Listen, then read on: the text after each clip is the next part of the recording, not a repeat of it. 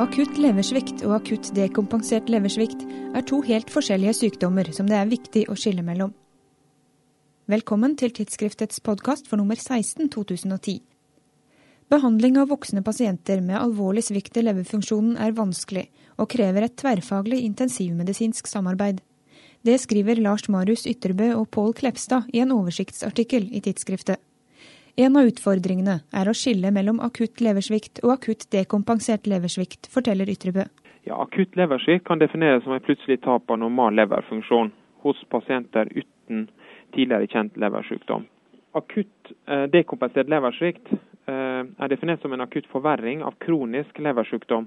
Og Den store forskjellen på disse to tilstandene er altså at akutt dekompensert leversvikt bare kan diagnostiseres hos pasienter som allerede har en kjent leversykdom, eller som man på det på diagnosetidspunktet erkjenner må ha levd med leversykdom i lengre tid. Og Det er veldig viktig å skille mellom disse to sykdomstilstandene, fordi symptomer og kliniske funn er forskjellige, og fordi eh, feil eller sen diagnostisering kan forringe muligheten til å behandle sykdommene effektivt. Akutt leversvikt er en meget sjelden sykdom, med mellom tre og åtte tilfeller per million innbyggere per år. Akutt dekompensert leversvikt er vanligere, Anslag viser at skirose, altså skrumplever, rammer om lag 130 pasienter per million innbyggere per år. Og dessverre ser tallet ut til å øke. Bl.a. for at vi drikker mer alkohol enn tidligere. Og, og for øvrig er det slik at de virale hepatittene eh, fortsatt er en eh, viktig etiologisk faktor for utvikling av kronisk leversvikt. Og Særlig nå når vi reiser mer og, og at vi får nye landsmenn til, eh, til landet fra andre verdensdeler med hepatitt, så forventer vi at vi også vil se en økning av akutt dekompenserte leversviktpasienter i norske intensivavdelinger. I forhold til akutt leversvikt, som altså er den sjeldneste sykdommen av disse to, så er bivirkninger av medikamenter den vanligste årsaken.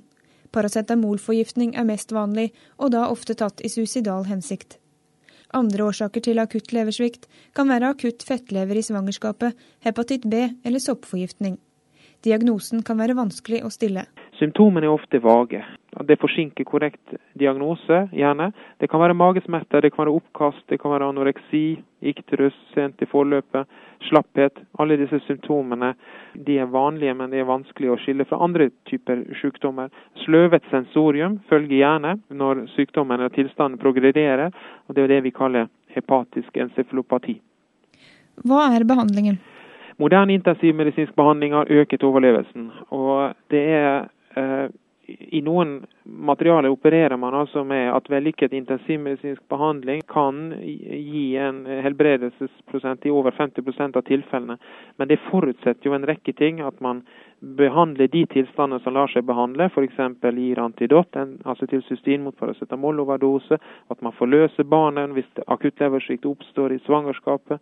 At man innsetter medikamentell terapi rettet mot hepatit, eventuell hepatitt B-infeksjon og eh, eventuell soppforgiftning og vurdere steroider ved autoimmun hepatitt. En nøyaktig anamnese kan være livreddende.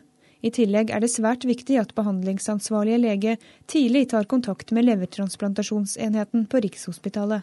Det er avgjørende for at man får et vellykket resultat. Selv ustabile, man skal huske på at selv ustabile intensivpasienter skal flyttes til transplantasjonssenteret i Oslo hvis det er hensiktsmessig. Men det må teamet beslutte eh, i det enkelte tilfellet. Pasienter med akutt leversvikt kan utvikle encefalopati, alt fra grad 1 som er uten symptomer, til grad 4 som er hepatisk koma. Prognosen er dessverre sjelden god.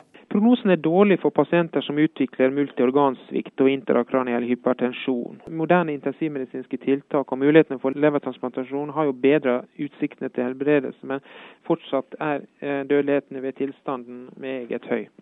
Når det gjelder akutt dekompensert kronisk leversvikt, er prognosen enda dårligere. I Norge er alkoholisme den viktigste enkeltårsaken til sykdommen, som er karakterisert ved hyperdynamisk sirkulasjon, nyresvikt, portal hypertensjon med asittes, gastrointestinal brødning og hepatisk encefalopati. Alvorlig sepsis og septisk sjokk er ikke uvanlig i forløpet. og Diagnosen stilles ved at pasienten eh, erkjennes å ha kjent leversykdom og presenterer en klinikk som som nevnt uh, her, da, og har da per definisjon en akutt dekompensering av en kronisk leversykdom. Og Behandlingen skal rettes inn på å finne infeksjonsfokus, disse pasientene er spesielt utsatt for infeksjonssykdommer, siden immunforsvaret er redusert både pga. redusert leverfunksjon i seg selv, men også pga. en direkte effekt på immunsystemet. Noen av disse pasientene fører gjerne et, har et uryddig liv som i seg selv medfører nedsatt allmenntilstand, dårlig hygiene osv. osv. Dette kan gi da Eh, grobunn for sår, forurensninger, inngangsport for infeksjoner. slik at fokus eh, på disse pasientene må være å bekjempe eh, inflammasjon og infeksjon i første rekke når de først dekompenserer. Og prognosen er ikke så god? Nei, dessverre. Spesielt for de dekompenserte alkoholikerne er prognosen meget dårlig. Med etablert akutt nyreskade så er faktisk sykehusmortaliteten for denne gruppen mer enn 90% du kan lese hele artikkelen til Ytrebø og Klepstad i tidsskriftet nummer 16. Jeg heter Eline Feiring og er tilbake med en ny podkast torsdag 9.9. På gjenhør.